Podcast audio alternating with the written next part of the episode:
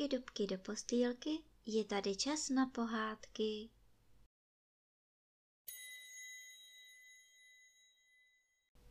Dnes vám budu vyprávět pohádku Laskominy z knížky Pohádky naší babičky. Veselé vypravování pana Prášila poslouchali všude rádi, ať už byly jeho historky pravdivé nebo ne. Co pak nám asi dnes pan Prášil zajímavého poví?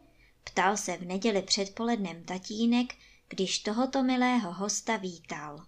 A děti, Jarda, Vojtíšek, Lidunka i Martička, ho hned zvědavě obklopili, aby jim neuteklo ani slovíčko.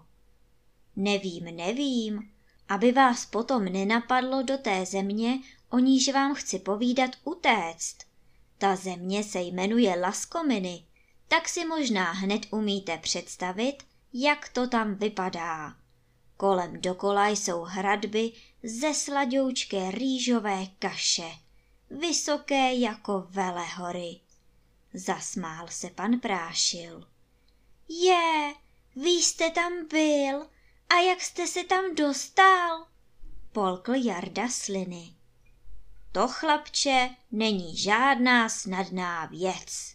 Kdo se chce dostat do Laskomin, musí se tou kaší nejdřív prokousat. Já sám jsem se tam taky prokousal, i když mě pak odtud vyhnali, ale o tom vám povím až později. Nejdřív musím říct, že je v té zemi jako v ráji. Usmíval se prášil.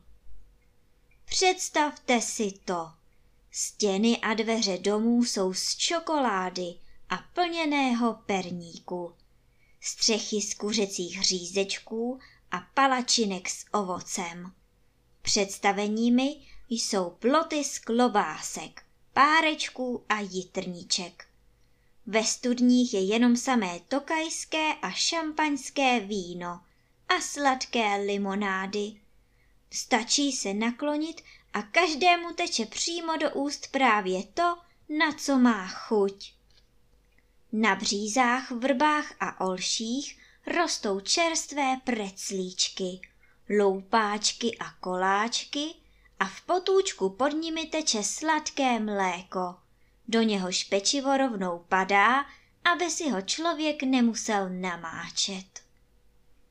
Dětem svítily oči při pomyšlení na všechny ty dobroty, ale tatínek se čtverácky usmíval, jako by tomu moc nevěřil. Ryby v laskominách plavou už smažené nebo pečené, jak to má kdo rád. Pokračoval pan Prášil a potutelně zamrkal na malou Martičku, která měla pusu otevřenou do kořán, jako by čekala, až jí tam nějaká ta lahůdka sama skočí. A plavou tak blízko břehu a jsou tak ochočené, že stačí zapískat a ryba, již si kdo vyhlédl, mu sama skočí do ruky. Ani schýbnout se pro ní nemusí. My tady u nás říkáváme, že pečení holuby nikomu sami do úst nelétají, ale v laskominách to je jinak. Tam nejen holuby, ale i kuřátka, kachničky, husičky, koroptve, krůty, zkrátka všechno jedlé ptactvo chodí po zemi a poletuje ve vzduchu už oškubané a do zlatova upečené. Ani vstáhnout ruku nemusíte, stačí otevřít pusu a samo vám to do ní vletí. To je, panečku, výhoda. Maminka vždycky říká, co je s tím práce, podotkla malá hospodyňka Lidunka. A což teprve selátka, usmál se pan Prášil. Těm se tam daří výtečně. Celý rok běhají pečená po dvoře mezi dorty a bábovkami. Místo kamení leží v laskominách podle cest bochníčky nejlepšího síra a bláto je z másla a z povidel. Když prší, snášejí se z mraků krůpěje medu. Místo sněhu se z nebe sype cukr a strouhaný kokos a místo krupobytí padají rozinky a mandle. To je něco, pochválil si teď už i tatínek. A jeli v laskominách tak příjemné krupobytí, jak pak tam asi teprve bývá krásně za bouřky. No, uhodí-li blesk a zahřmí hrom, spadne z oblohy sud piva a kutálí se přes celé laskominy.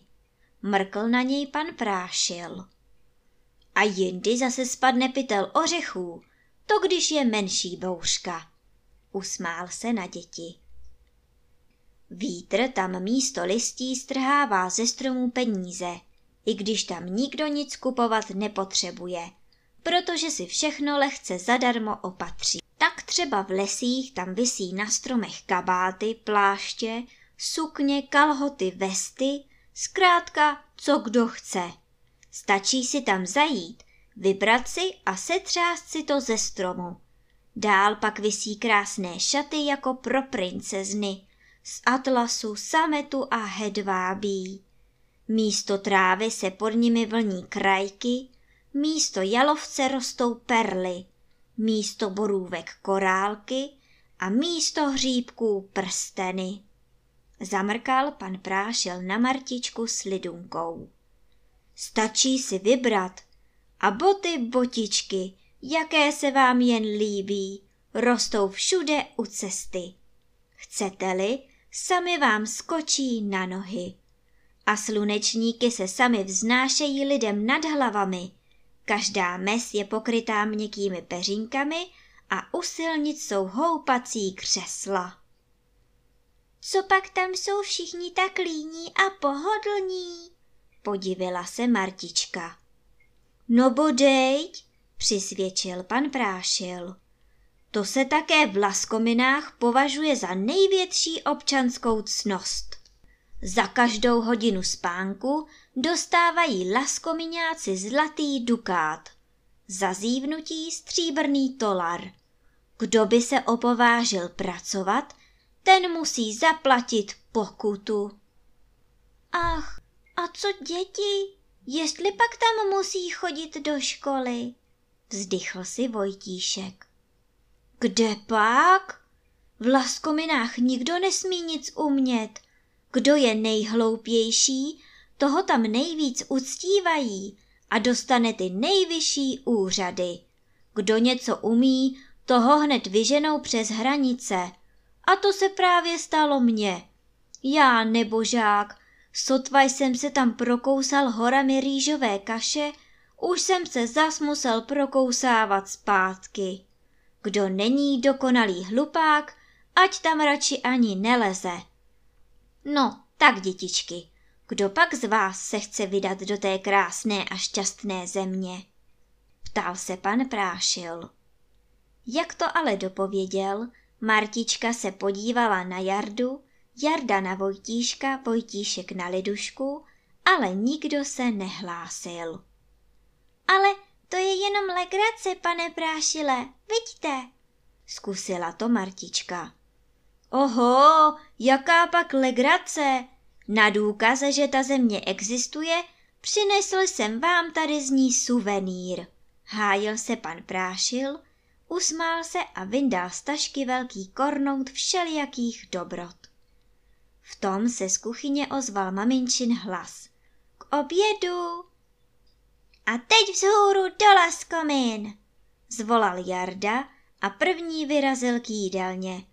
A asi nikdy žádnému laskomiňanovi nechutnalo tolik, jako tenkrát v neděli panu Prášilovi, tatínkovi i dětem.